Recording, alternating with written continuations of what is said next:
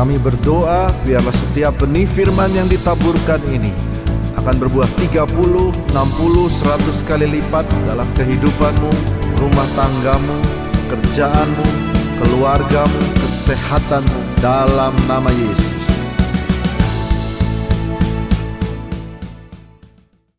Kita akan masuk dalam firman Tuhan. Hari ini judulnya adalah Find Favor. Minggu lalu siapa yang hadir minggu lalu? Favor tentang favor. Nah, kita lanjut lagi tentang finding favor, mencari favor. Baik kita lihat yang pertama adalah firman Tuhan minggu lalu kita ingat bahwa kebajikan dan kemurahan belaka akan mengikuti aku seumur hidupku. Tuhan adalah gembalaku, takkan kekurangan aku yang membaringkan aku di padang yang berumput hijau dan seterusnya dan pada akhirnya ditulis kebajikan dan kemurahan belaka akan mengikuti aku seumur hidupku. Mari kita baca sama-sama satu dua tiga. Kebajikan dan kemurahan belaka akan mengikuti aku seumur hidupku. Kita tolong Bayu temenin. By the way, kita ada sesuatu yang spesial hari ini. Anak saya desain, dia sebuah tas grace dan favor. Iya. Jadi saudara nanti bisa bawa kalau belanja ke pasar dan sebagainya saudara bisa bawa. Lalu di belakangnya juga ada barcode-nya. Ada barcode-nya. Coba ada yang mau coba di handphone barcode-nya. Apa yang akan saudara temukan? Ada Bayu.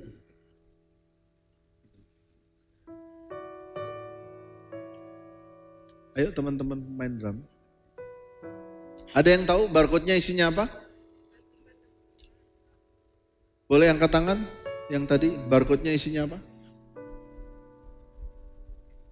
Apa Banu? Bisa dapat? Masuk ke Mazmur 23 ayat 6 ya? Betul ya?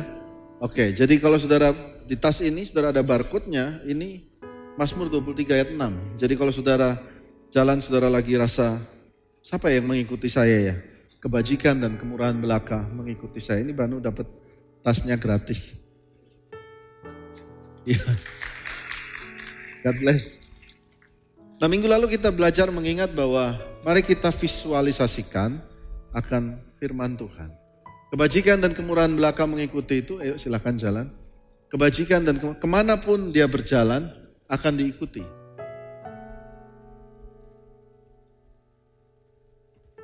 Dia berlari ke ujung yang saudara tidak kelihatan akan tetap diikuti. Ya. Oke, dia belok lagi ke sana terus diikuti kebajikan dan kemurahan belaka mengikuti aku. Nah, mari kita belajar untuk kebajikan dan kemurahan belaka mengikuti harus diproklaim terus-menerus kebajikan dan kemurahan belaka mengikuti aku. Mari kita baca ayatnya 1 2 3, kebajikan dan kemurahan belaka akan mengikuti aku seumur hidup. Oke, saya minggu lalu saya cerita buat saya mau ingatkan saudara. Ada seorang hamba Tuhan menulis lagu ini. Dia naik angkot, lalu dia istrinya bikin kue nastar, lalu dia jualan, tapi dia memproklamasikan ayat ini setiap hari.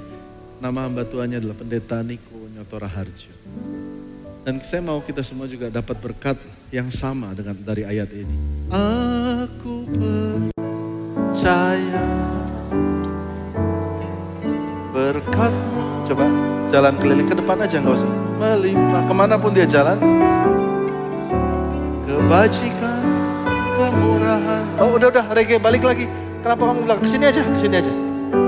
Ku puji, ku sembah.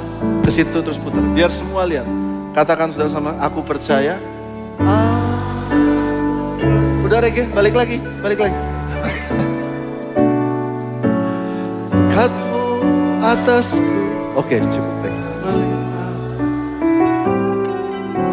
Kebajikan, kemurahan selalu mengikuti ku puji, ku puji, ku sembah kau Tuhan.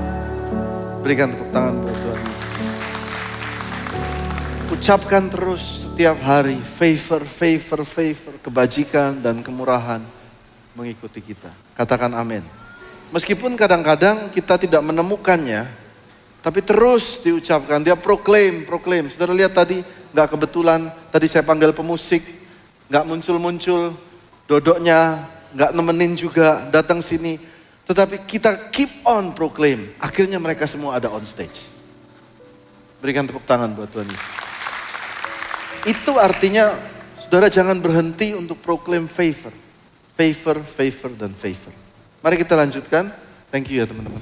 Thank you, Dok. Nanti tas ini, saudara masih ada tasnya sisa 10, saudara bisa dapatkan di depan. Harganya berapa? Terserah saudara. Terserah saudara. Tadi semua hasil penjualan tasnya yang ibadah satu dan dua sudah kita jadikan DP untuk pembayaran sound system. Gak tahu kapan selesainya, tapi baru DP. Tapi jadi sisa 10 saudara bisa ambil dan minggu depan ada lagi. Nah, kita lanjutkan. Favor membuat kita mendapat hal-hal yang tidak layak kita terima. Keluaran 3 ayat 21, 1, 2, 3 kita baca. Dan aku akan membuat orang Mesir bermurah hati terhadap bangsa ini. Sehingga apabila kamu pergi, kamu tidak akan pergi dengan tangan hampa. Orang Mesir bermurah hati memberikan favor, memberikan mereka emas, perak, dan barang-barang berharga kepada orang Israel. Padahal mereka budak, mereka pembantu, mereka orang-orang low level tapi diberikan semua yang berharga kepada mereka karena ada favor Tuhan menyertai. Jadi favor membuat kita mendapat hal-hal yang tidak layak kita terima. Bukankah anugerah pengampunan dosa itu juga adalah favor dari Tuhan Yesus? Demikian juga favor membuat kita mendapat hal yang ajaib dalam kehidupan kita. Tapi Alkitab berkata find favor, find artinya cari, cari favor dapatkan favor itu. Lalu kita lihat ayat lagi. Mari kita baca 1 Samuel 16 ayat 22, 1, 2, 3. Sebab itu Saul menyuruh orang kepada Isai mengatakan, biarkanlah Daud tetap menjadi pelayanku sebab aku suka kepadanya. Kata aku suka di, muncul lagi kata favor di sini. Sehingga favor selanjutnya poin yang selanjutnya adalah favor membuat kita berdiri di depan orang-orang besar.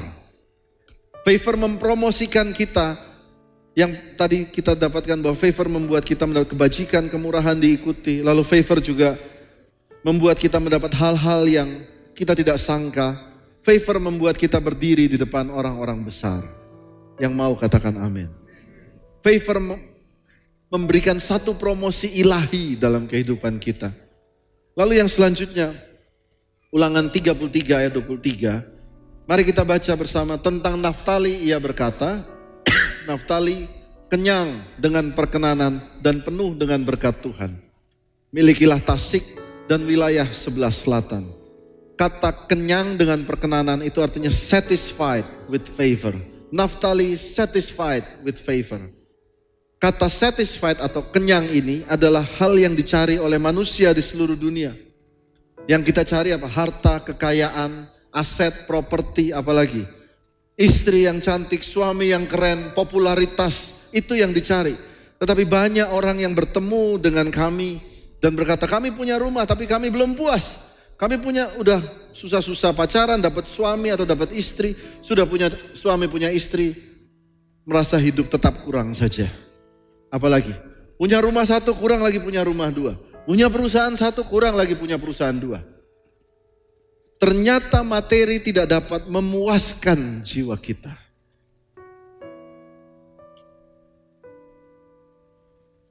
Ada seorang konglomerat, saya pernah cerita juga, konglomerat ini tulis dalam bukunya, satu hari dia melihat tukang kebunnya, setelah memangkas kebun di rumahnya yang besar, dia lihat dari jendela rumahnya, lalu dia melihat bahwa tukang kebun ini tidur, habis ngerokok lalu tidur. Dan konglomerat ini berkata, saya melihat di jendela, kok Tuhan gak adil ya? Saya yang punya rumah dengan kebun semuanya, saya bayar dia gaji, tapi saya susah tidur. Kenapa dia dengan mudahnya tidur dan menikmati rokok dan kopinya itu? Rupanya ada satu hal yang di atas daripada materi, hanya Tuhan pencipta kita dapat memuaskan jiwa kita. Di situ disebut favor, membuat kita dipuaskan. Karena Tuhan tahu lubuk hati kita dan dia memuaskan lubuk hati kita. Katakan amin. Yang selanjutnya kita baca lagi di sini. Favor membuat Boas menemukan Ruth. Lalu sujudlah Ruth menyembah dengan mukanya sampai ke tanah dan berkata kepadanya, "Mengapa aku mendapat belas kasihan atau favor daripadamu sehingga Tuhan memperhatikan aku padahal aku ini seorang asing?" Ruth adalah seorang janda miskin. Dia bersama mertuanya yang bernama Naomi adalah seorang Israel. Naomi punya suami, suaminya juga mati. Suaminya mati, lalu Rutnya juga suaminya mati jadi janda. Lalu Rut satu hari berjalan mencari gandum-gandum sisa. Dia berjalan dengan para janda miskin bersama dengan pengemis-pengemis lainnya dengan bertelekung. Dan di saat itu Boas menemukan Rut. Jadi artinya Rut memakai favor untuk mendapat pasangan dari Tuhan. Ternyata Alkitab berkata favor membuat Boas menemukan Ruth. Padahal dia nggak pakai baju yang begitu rupa, favor yang dia pakai. Favor mempertemukan Anda dengan orang-orang yang tepat. Katakan amin. Apabila saudara Pak doakan saya, saya mau dapat jodoh. Maka saya akan berdoa Tuhan berikan favor. Pak doakan saya Pak supaya saya ketemu orang yang mau membantu usaha saya. Saya akan berdoa Tuhan berikan favor. Favor, favor, favor supaya Tuhan memberikan orang yang tepat dalam kehidupan kita. Katakan amin.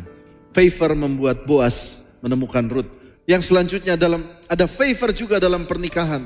Amsal 18 ayat 22. Siapa mendapat istri, mendapat sesuatu yang baik dan ia dikenan atau favor Tuhan ada padanya.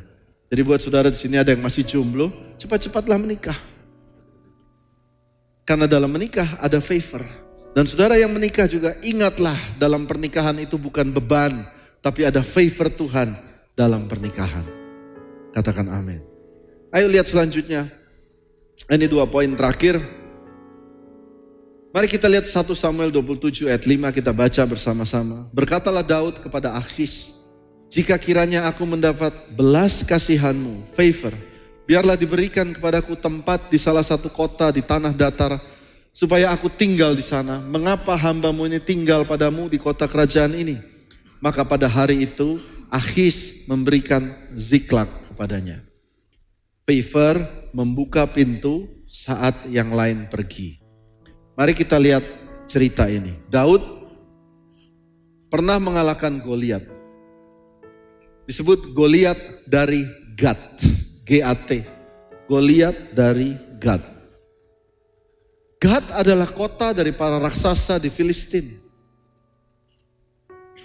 Daud mengalahkan Goliat, lalu seluruh Israel mengalahkan Filistin pada waktu itu. Semua merayakan Daud.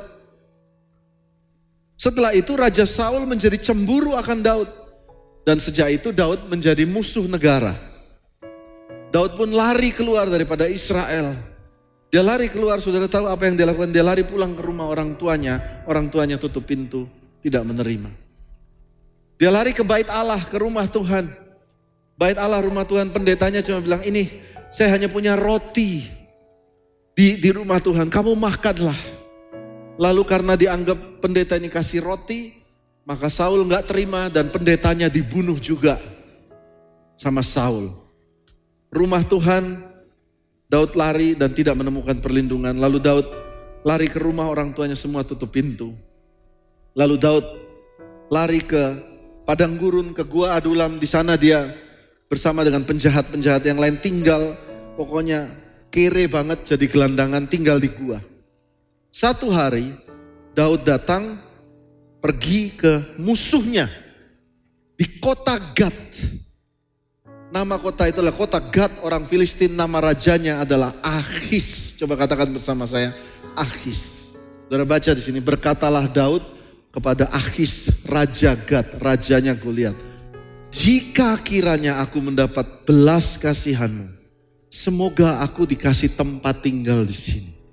Lalu saudara baca, maka pada hari itu di bawah, maka hari itu Achis memberikan Ziklag, kota Daud kepadanya. Kalau saudara baca ayat ini, maka saudara akan pusing tujuh keliling. Karena kok aneh ya, bukannya ini musuhnya yang kemarin dibunuhin semua. Tapi kok bisa musuh ini memberkati Daud. Dari sini saya mempelajari favor membuka pintu saat yang lain pergi. Ayo teman-teman yang tadi. Saya akan kasih contoh di sini. Yuk. Ya. Ayo di sini. Oke. Ya. Kelihatan ya? TV-nya kelihatan? Oke, ini Daud. Oke. Dia punya empat, katakanlah empat penghasilan, empat koneksi. Dia punya penghasilan dari toko A, toko B, mungkin toko C, toko D, dan punya teman-teman. Ini adalah pintu-pintu dalam kehidupan dia. Boleh salaman dulu? Wah ini. Salaman, oh shalom, haleluya. Ya, shalom semua. Tapi kadang dalam hidup sesuatu bisa terjadi. Dan saya rasa ini relate kita semua yang menjalani hidup pernah mengalami ini. Kadang bisa terjadi sesuatu pada kita. Pada waktu kita butuh pertolongan, semua itu tutup pintu. Betul apa enggak?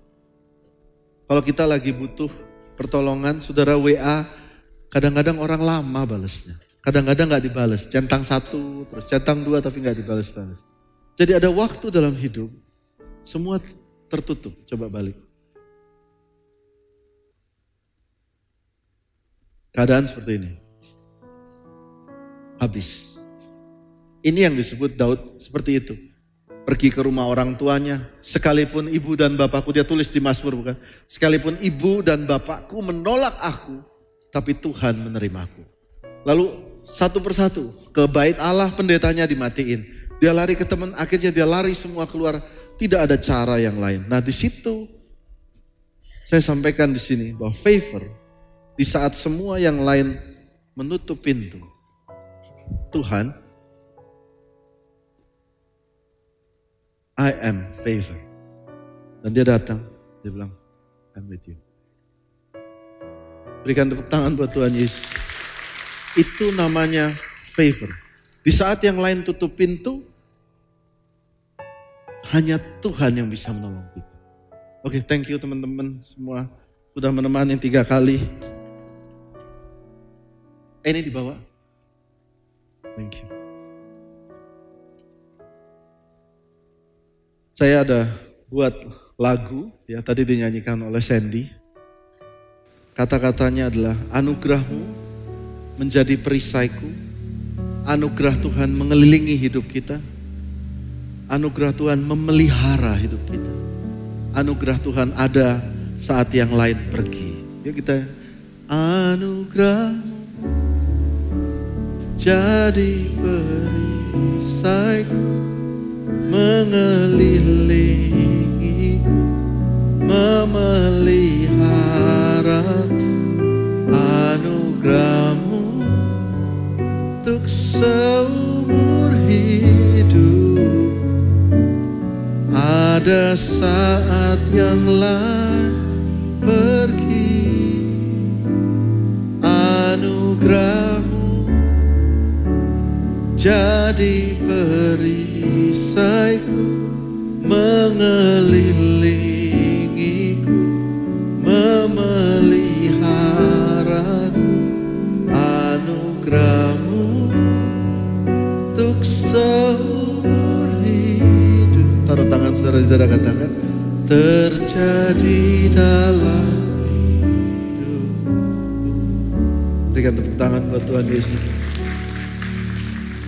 Saya percaya ada favor buat kita semua yang hadir di rumah Tuhan. Nah yang terakhir, poin yang terakhir adalah ada satu firman yang menarik kalau tadi kita belajar dari perjanjian lama, ada satu firman yang menarik dari perjanjian baru tentang favor. Ayo kita baca ini dan poin yang terakhir. Lukas 1 ayat 28, 1, 2, 3. Ketika malaikat itu masuk ke rumah Maria, ia berkata, Salam hai engkau yang dikaruniai, Tuhan menyertai engkau. Bahasa Inggrisnya lebih jelas dikatakan, And the angel came in, ayo kita baca ya.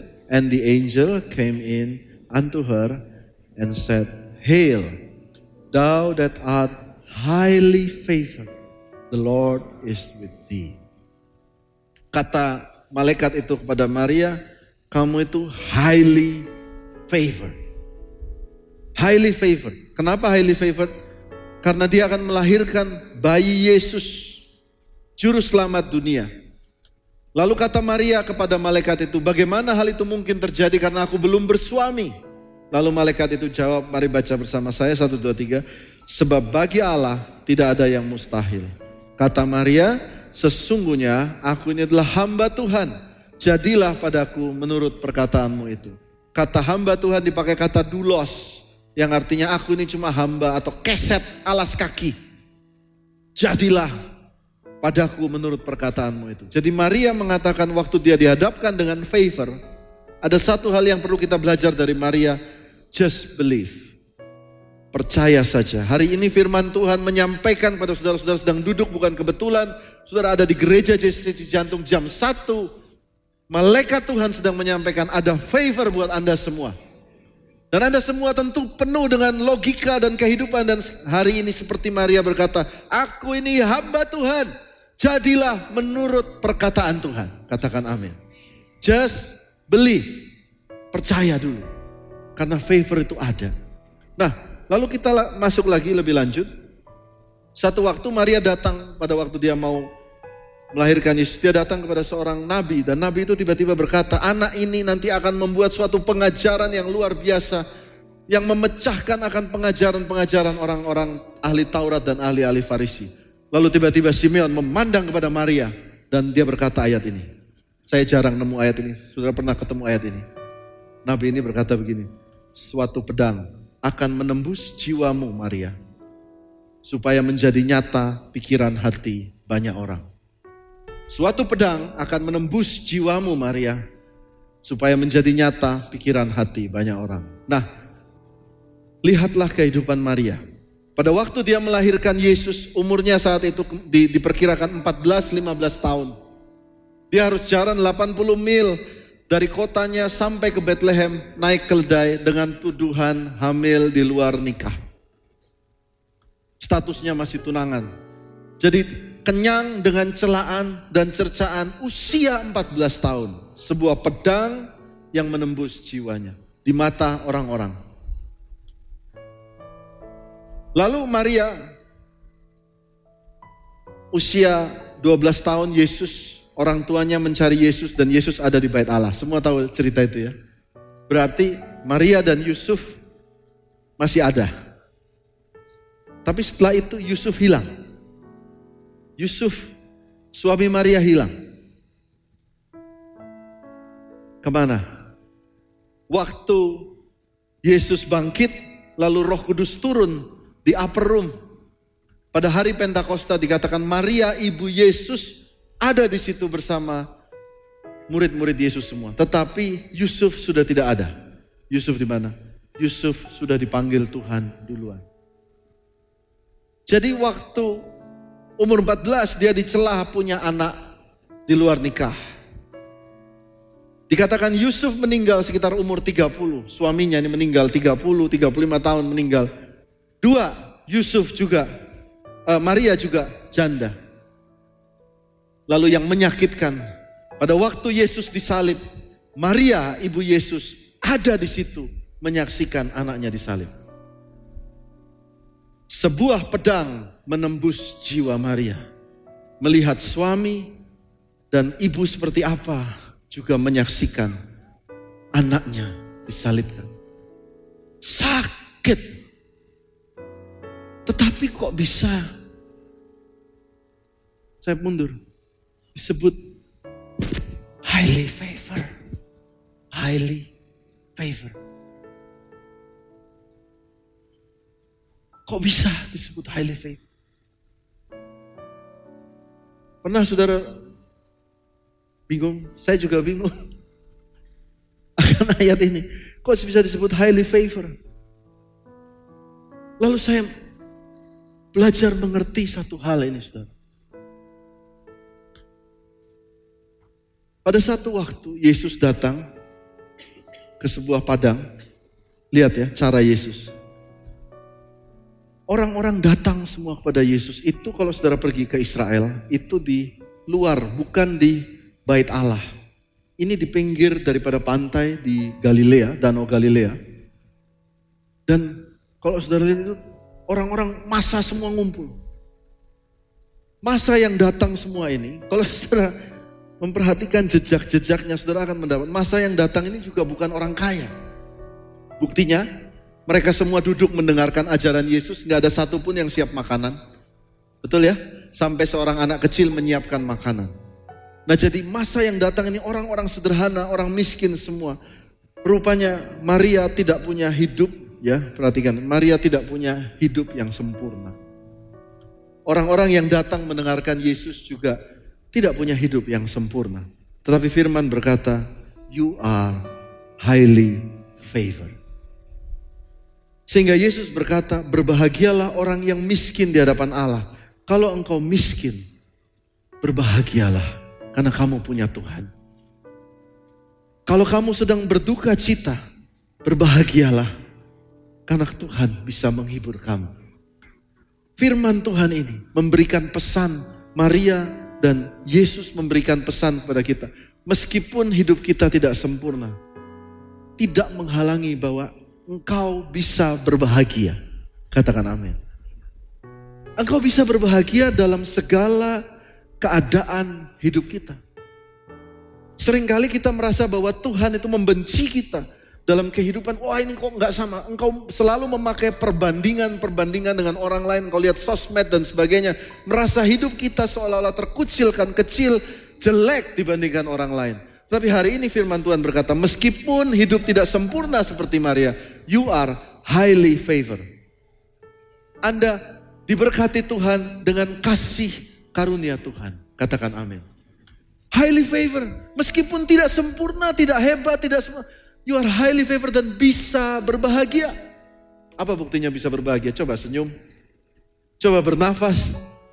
Coba salam kanan kiri. Katakan you are highly favored. Highly favored. Ayo coba katakan highly favored. You are highly favored. Nah, saudara tahu Injil pertama kali diberitakan kepada siapa? Injil ini menjadi favorit bukan orang-orang kaya. Injil diberitakan kepada budak-budak, orang-orang Roma, orang-orang yang sederhana, orang-orang miskin semua. Injil juga diberitakan, sudah tahu pada tahun 1980 Injil misionaris memenuhi Korea Selatan. Korea Selatan dipenuhi oleh misionaris dari Amerika. Miskin semua. Mereka semua dikenalkan dengan Injil. God loves you. God's favor you. Engkau meskipun susah, engkau meskipun miskin, engkau meskipun janda, Tuhan mengasihi engkau. You are highly, highly favored. Lalu hati mereka mulai percaya. Tuhan mengasihi saya. Aku bisa lebih baik. Aku bisa lebih baik. Aku bisa dan pelan-pelan saudara. Korea Selatan naik menjadi luar biasa. Itu namanya mujizat kabar baik. Katakan amin. Jadi saudara semua di sini, saya mau lihat saudara senyum semua.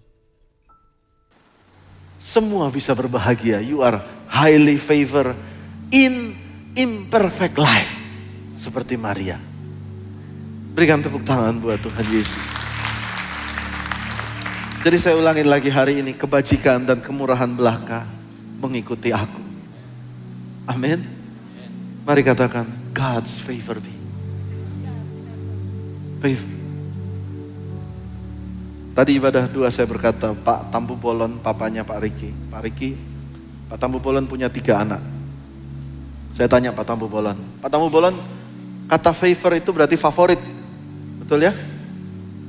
Dari tiga anak ini yang favorit yang mana? Orang tua kalau ditanyain gitu suka salah-salah jawab. Seringkali orang manusia selalu berkata, oh yang favorit pasti yang paling sukses. Yang favorit pasti yang paling menyenangkan hati orang tuanya. Betul ya? Tapi honestly speaking, tiga-tiganya favoritnya orang tua. Saudara mau sukses, saudara nggak sukses, Anda favoritnya Tuhan. Seorang pernah tanya saya, Pak Albert sukanya makanan apa? Oh saya suka Chinese food Pak, saya suka makan angke Pak. Tapi nggak selalu saya suka makan angke, saya juga suka makan nasi padang. Gitu? Saya juga suka makan bowo. Saya juga makan makanan Jawa. Ternyata banyak makanan yang menjadi favorit. Nah saudara berpikir kalau saudara kita selalu lihatnya selalu standar dunia. Kalau sukses baru saya dapat favor Tuhan. Hari ini saudara, saudara mau capcay kayak bakmi kayak makanan Jawa kayak kacau Tuhan, favor, favorit Tuhan. Kita semua anak-anaknya. Amin. You are favored by God. Abraham, you are favored by God. Abraham yang Waldo ada. Ibu, ada Joki, kamu favoritnya Tuhan. Gary, you are favorite. Amin. Berikan tepuk tangan buat Tuhan Yesus.